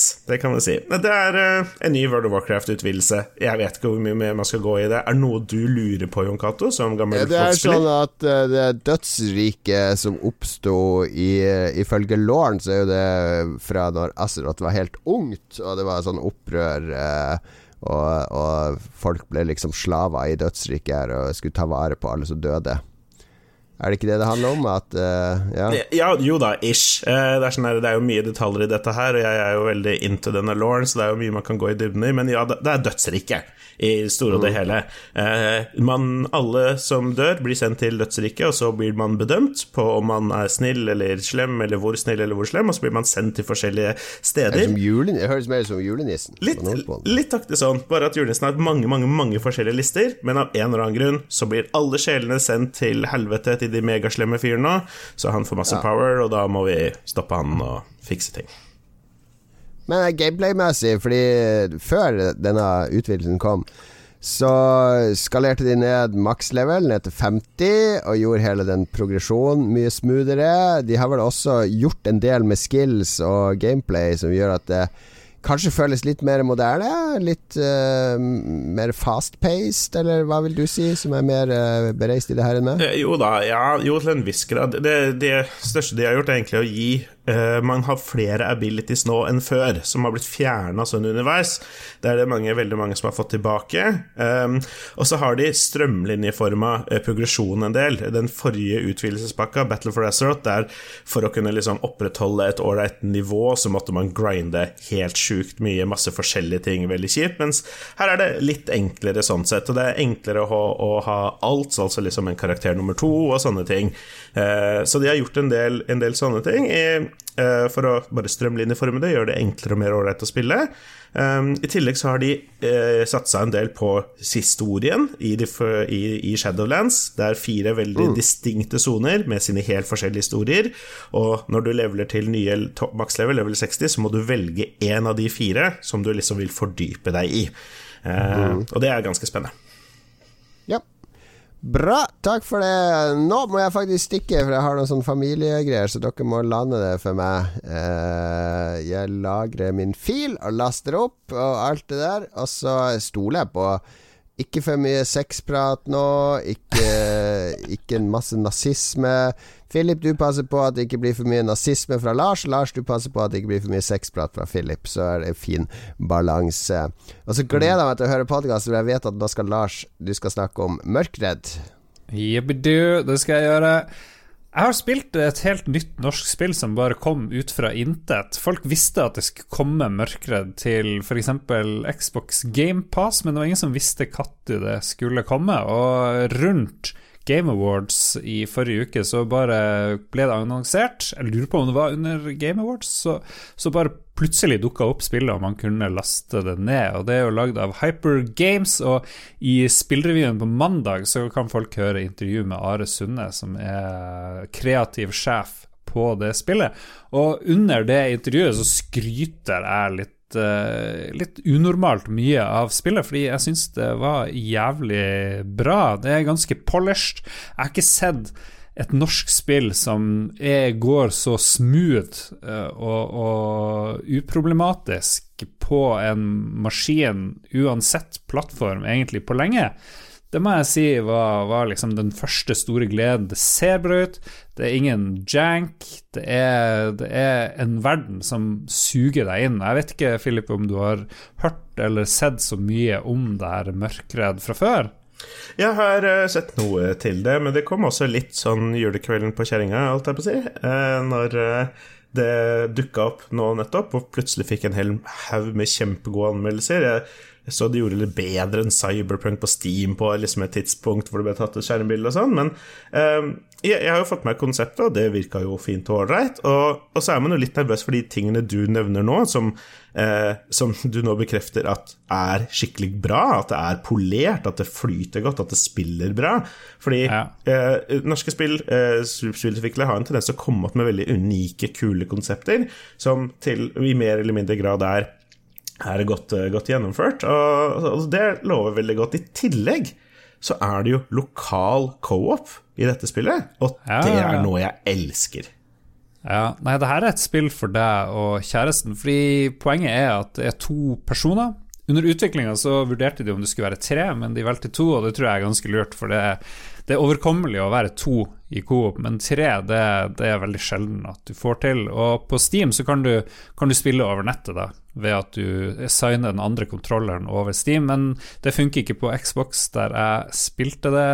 Eh, og det er en mann og en kvinne som våkner opp i en uh, helt svart-hvitt uh, verden, stort sett. Alt er mørkt, men så kommer det et lys som vekker dere opp, og det lyset er veldig viktig, fordi der det er mørkt, der er alle døde.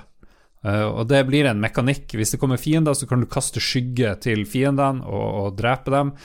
Og veldig mye av det jeg har spilt, jeg har spilt halve spillet, tror jeg, ca. Over 50% completion der. Det var ikke så lenge, du får det unnagjort på to-tre to, dager.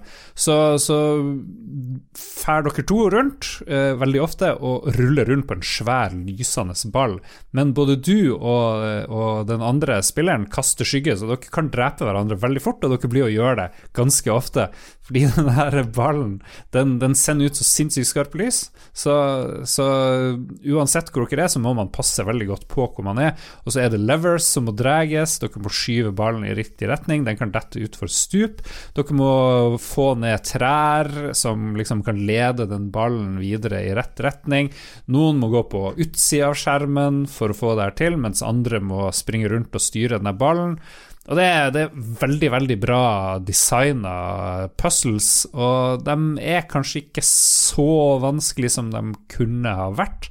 Men problemet er jo for utviklerne er jo at noen vil spille det her singleplayer, og da må du styre det som i Tale of uh, Brothers Tale of Two Sons. Da må man styre begge karakterene samtidig, og, og, det er mye rart som må gjøres i sånn action. Du kan ikke bare la den ene stå og vente mens den andre går og gjør ting. Du må styre med høyre og venstre tommel eh, to karakterer samtidig, og da tror jeg det er en sånn trade-off med hvordan det blir, eh, de her puslene. Og da kan det bli noen gang litt enkelt hvis man er to, men, men jeg og en kompis som spilte det i lag, eh, drev og døde mye, og, og, men hadde det mye gøy.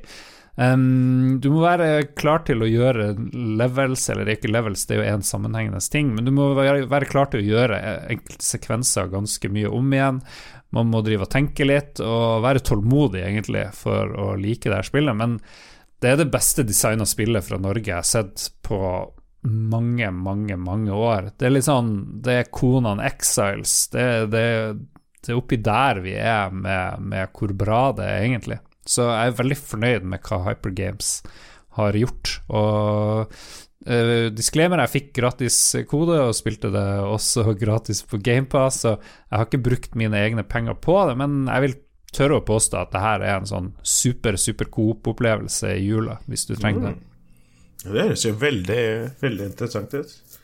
Absolutt. Og det er ingen dialog. Ingen dialog i det hele tatt. Hele verden forteller sin egen historie gjennom litt bilder og litt stemning og sånne ting. I hvert fall så langt det er kommet. Ja, Det høres ikke ut som spillet liksom straffer deg veldig for å dø, holdt jeg på å si. Du blir ikke satt nei, nei, nei. mange timer tilbake i progresjonen, akkurat. Nei, det er mange checkpoints de er veldig liberale med Mm, checkpoints. Mm, så noen vil kanskje savne en annen vanskelighetsgrad og sånt, men det kan jo hende det kommer etter hvert. Ja, New ja. Game Plus eller noe sånt, det hadde vært litt kult, faktisk. Ja, han, Rune Fjell Olsen i, i NRK Han um, spilte jo sammen med sin åtte år gamle sønn. Og hvis de klarer å komme seg gjennom, holdt på å så bør det være Bør det være lagt opp til at det skal være overkommelig. Eh, eneste som er kjedelig, jeg ser det er bare på Xbox og PC, og ikke noe PlayStation. Og det er litt synd for oss som eh, bare har det. Eh, eh, jeg har lyst til å nevne i litt sånn samme slengen at jeg og samboeren gjorde ferdig Unravel 2, endelig, med alle bonusbrettene for ikke så lenge siden. Det er jo et fantastisk godt uh, co-op uh, co-op-plattformer. Veldig veldig ålreit. Så ganske utfordrende, disse bonusbrettene, men man kommer seg gjennom det, og så jubler man når man får det til. Så er det en, en god opplevelse. Hmm. Jeg spilte aldri Unravel 1. Hvordan spilte du for det første? Nei, jeg, jeg gjorde ikke det. Jeg hørte liksom at det var ålreit og sjarmerende og sånne ting, men det var mest, jeg var på utkikk etter et godt co-op-plattformer, og så dukka det opp, så testa vi det, og det, vi falt skikkelig for det. det er, eh, fordi det å gjøre en co-op-plattformer, eller en co-op-spill i seg selv, det er litt utfordrende, for du må liksom sørge for at den ene ikke bare kan carry den andre, at man må samarbeide, men kanskje ikke samarbeide så mye at hvis den ene er litt dårlig, så kommer dere ikke videre, liksom. Eh, og der finner Unravel 2 en veldig fin balanse, da. Det høres det kanskje ut som Mørkeredd gjør også. Ja, jo, det gjør det. Når du får kjæresten med på spillet, måtte du drive og overtale, eller er hun liksom med på det? Fordi min kjæreste er 0 interessert i dataspill generelt. Nei, dette kan vi sikkert uh, gjøre en spesialepisode på en gang, om, uh, om kjærester og spilling, men uh, jeg er ganske heldig. Gelaré har um, blitt utsatt for ganske lite spilling, og gjennom oppveksten Det er ikke så sjukt mye PlayStations i Iran, men syns det er gøy. har spilt masse GTA 5, mye mer enn meg, masse Red Dead Redemption 2, mye mer enn meg. De spiller han liksom nesten 100 av.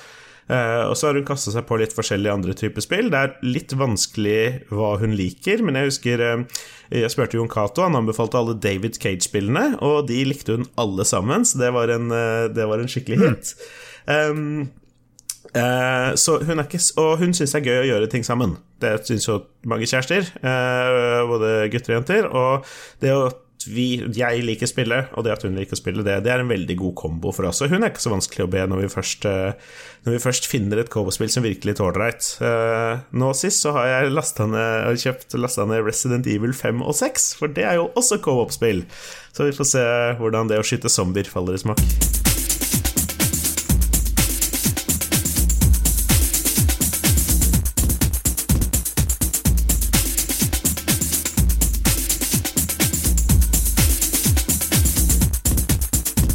Vi skal anbefale ting.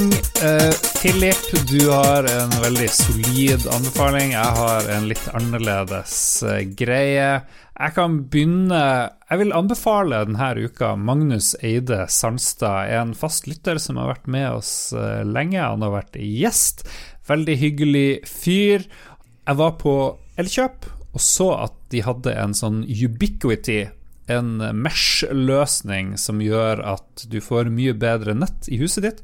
Og der jeg sitter nå, så er det ganske lavert nett. Det funker så vidt, men jeg trenger noe som sprer nett ut i huset. Og hvis jeg kan slippe å dra kabler etternett rundt omkring i huset, så gjør jeg gjerne det. Og jeg tror at uh, leieboerne mine de har også sikkert ganske dritnett nede i underetasjen, selv om signalet fra en sånn Asus-ruter når dem. Det er en veldig bra Asus-ruter jeg fikk fra Mats. Så jeg husker at Magnus Eide Sandstad hadde anbefalt denne Ubiquity-greia. Den funker, den er bra.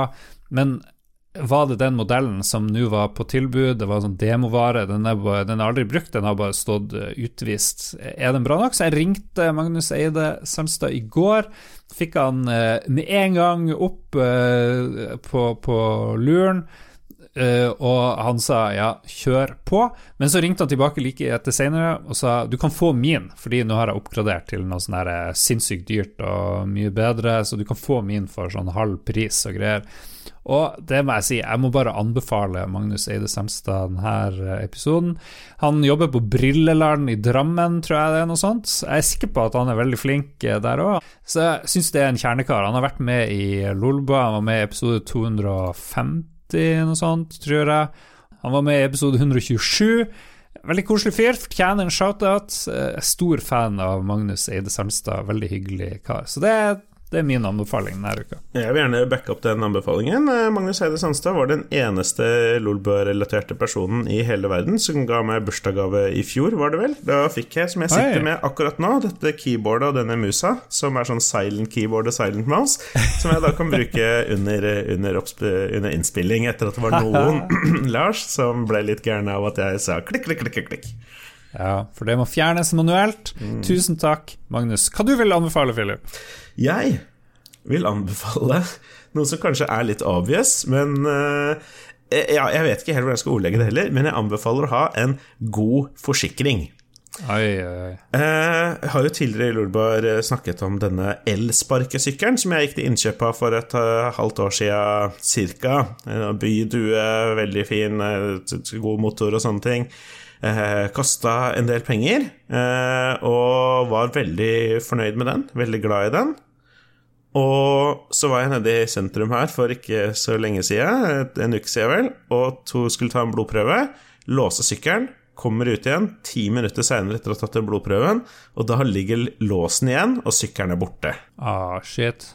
Det sugde skikkelig. Det er veldig kjedelig. Jeg var veldig glad i den sykkelen. Anmeldte det umiddelbart til politiet. Og så var jeg litt sånn hva skal jeg, hva, Men hva gjør jeg nå? Jeg har jo forsikring, men det eneste forsikringen jeg har, det er inneboforsikring. Ah. Hvordan vil dette her gå? Er det ikke en reiseforsikring osv.? Jeg har ikke engang den beste innboforsikringa. Jeg har liksom innboforsikring vanlig, men den har jeg hos et firma. Um, og jeg tenker det har vært et forsøk, så jeg sender inn en sånn forsikringsgreie. Og liksom, hva er det? Stjålet sykkel, ok, hvor var, var den i, i, liksom, i hagen din? Var den i gården din? Var den i garasjen din? Og jeg bare eh, et annet sted. Og så beskrev jeg at det var en offentlig plass, osv., osv. Men det gikk to dager, og så var, eh, det, så var det fulle beløpet inne på konto. jeg. Så bare fikk jeg tilbake alle pengene med en gang. Jeg viste ikke noe forsikring, jeg viste, henviste ikke engang til noen anmeldelse. Jeg anmeldte jo selvfølgelig, men de bare Ok, sjekker er bestjålet, ja. Ok, greit, her er 12 000 spenn, vær så god. 12 000? Jesus. Ja, det gikk Jeg er nesten litt sånn bekymra. Jeg har litt, fortsatt lyst til å ringe de og bare Er dere helt sikre på at alt er i orden? For dette virka nesten litt for lett, på en måte. Ok, Hvilket selskap er du forsikra gjennom? Ja, det var det. Jeg var ikke helt sikker på om jeg skulle liksom gå ut med det.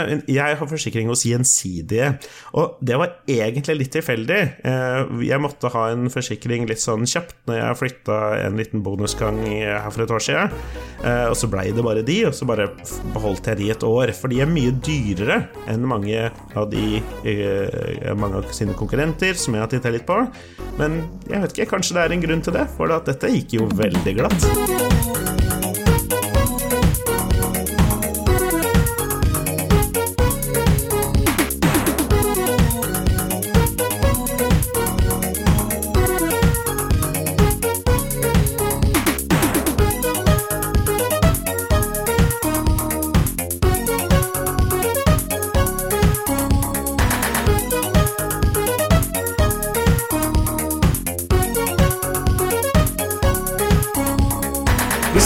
Lytterspalte. Vi ba folk om eh, tips for filmer de har sett, gjerne i år, som de har lyst til å anbefale. Og jeg tenker at du kan få lov å starte, Philip.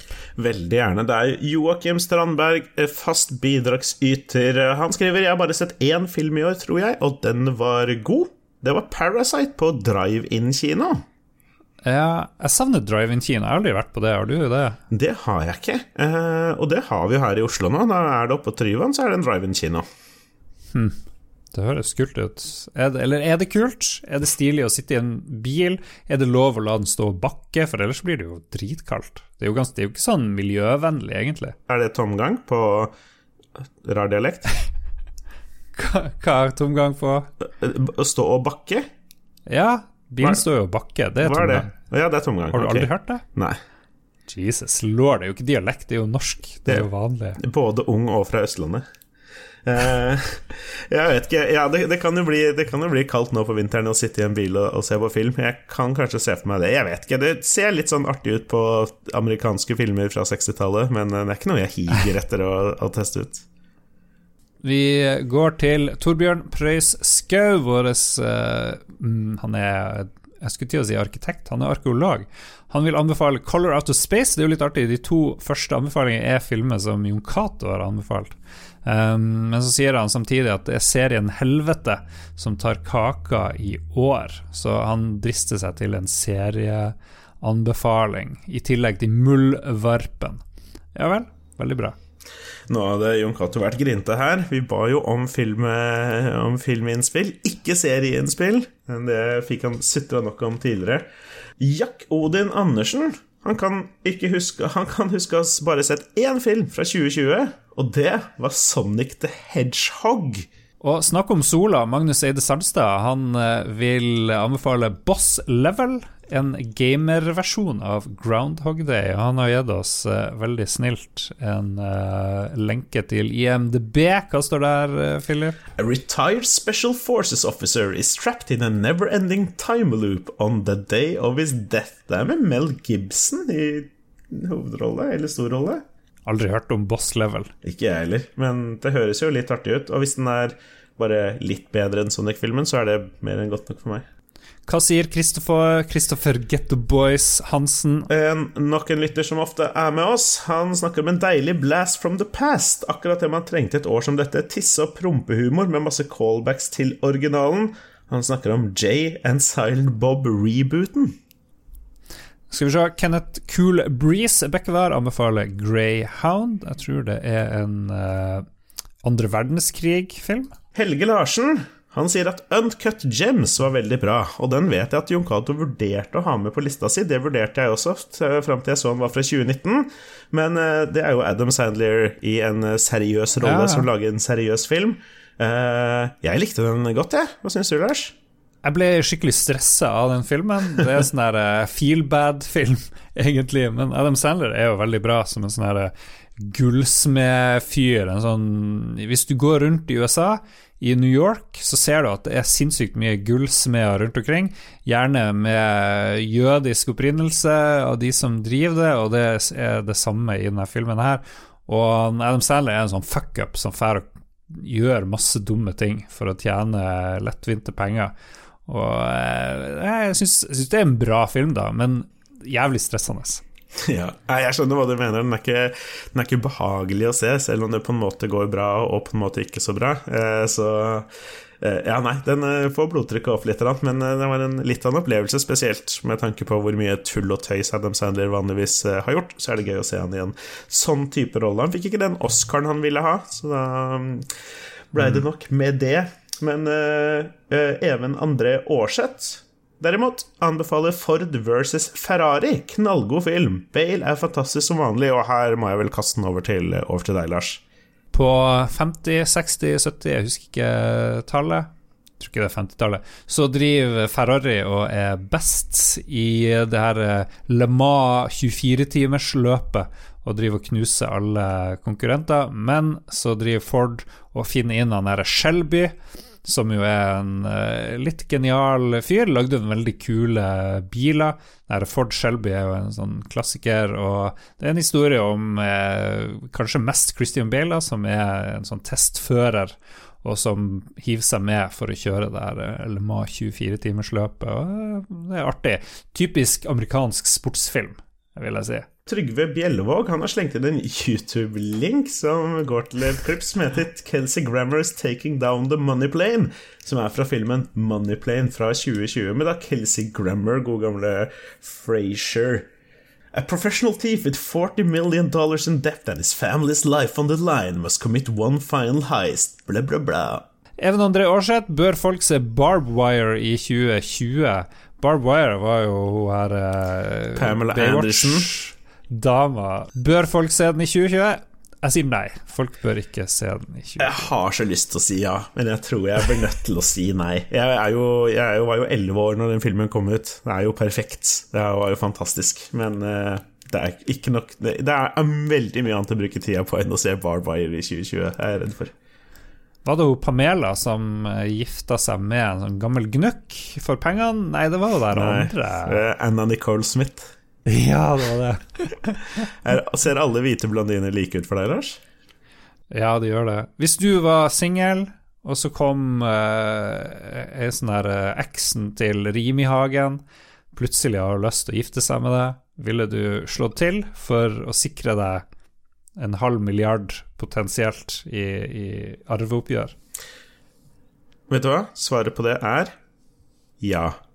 Mm. Hvordan overlever du Nå er vi ferdig med vanlig sending, nå skal vi oppsummere. Men har, hvordan takler du jule... Hvordan er du så rolig på juleinnkjøp og julestrier? Sånn? For jeg trenger litt råd der. Jeg blir bestandig sykt stressa før jul.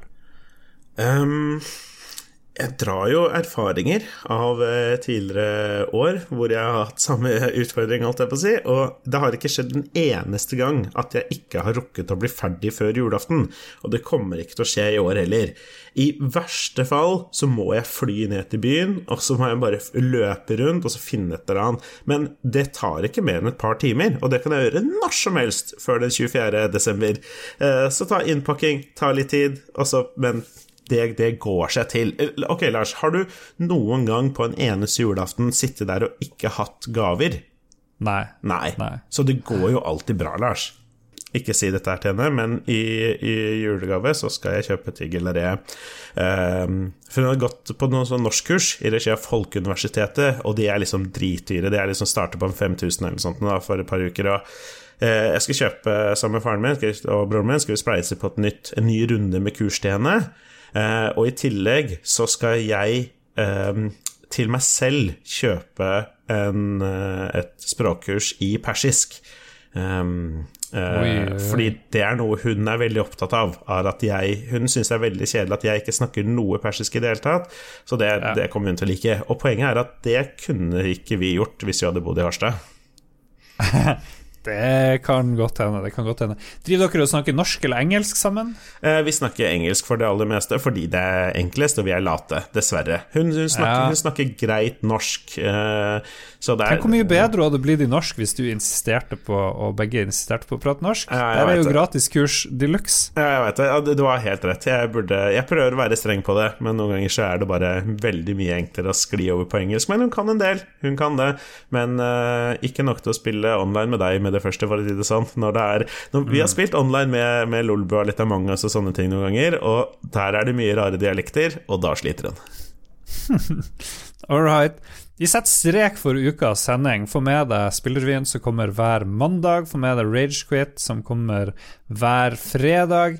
Helt til slutt, uh, Philip, har du noen uh, vise ord uh, til lytterne våre? Ja, nei, Det er hyggelig å være tilbake igjen og, og, veie opp all denne nordlandske med, med, litt østlandsk. Og så må vi jo rette en ekstra stor megatakk til de kanskje viktigste menneskene i hele verden.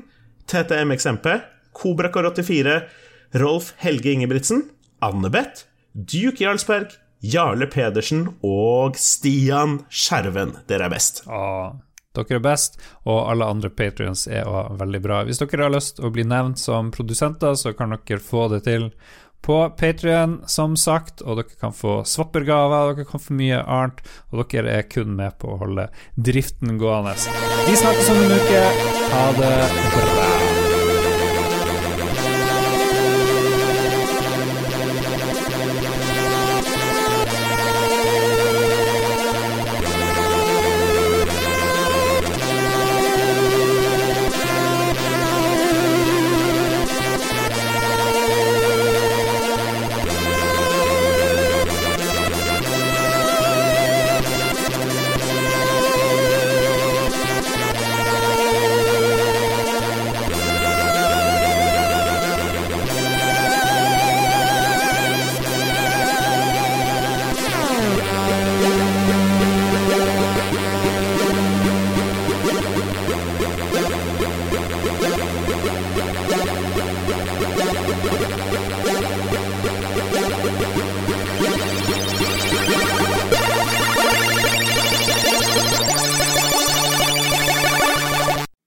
Et enkeltpersonforetak eller en liten bedrift? Da er du sikkert lei av å høre meg snakke om hvor enkelt det er med kvitteringer og bilag i fiken, så vi eh, gir oss her, vi. Fordi vi liker enkelt. Fiken superenkelt regnskap.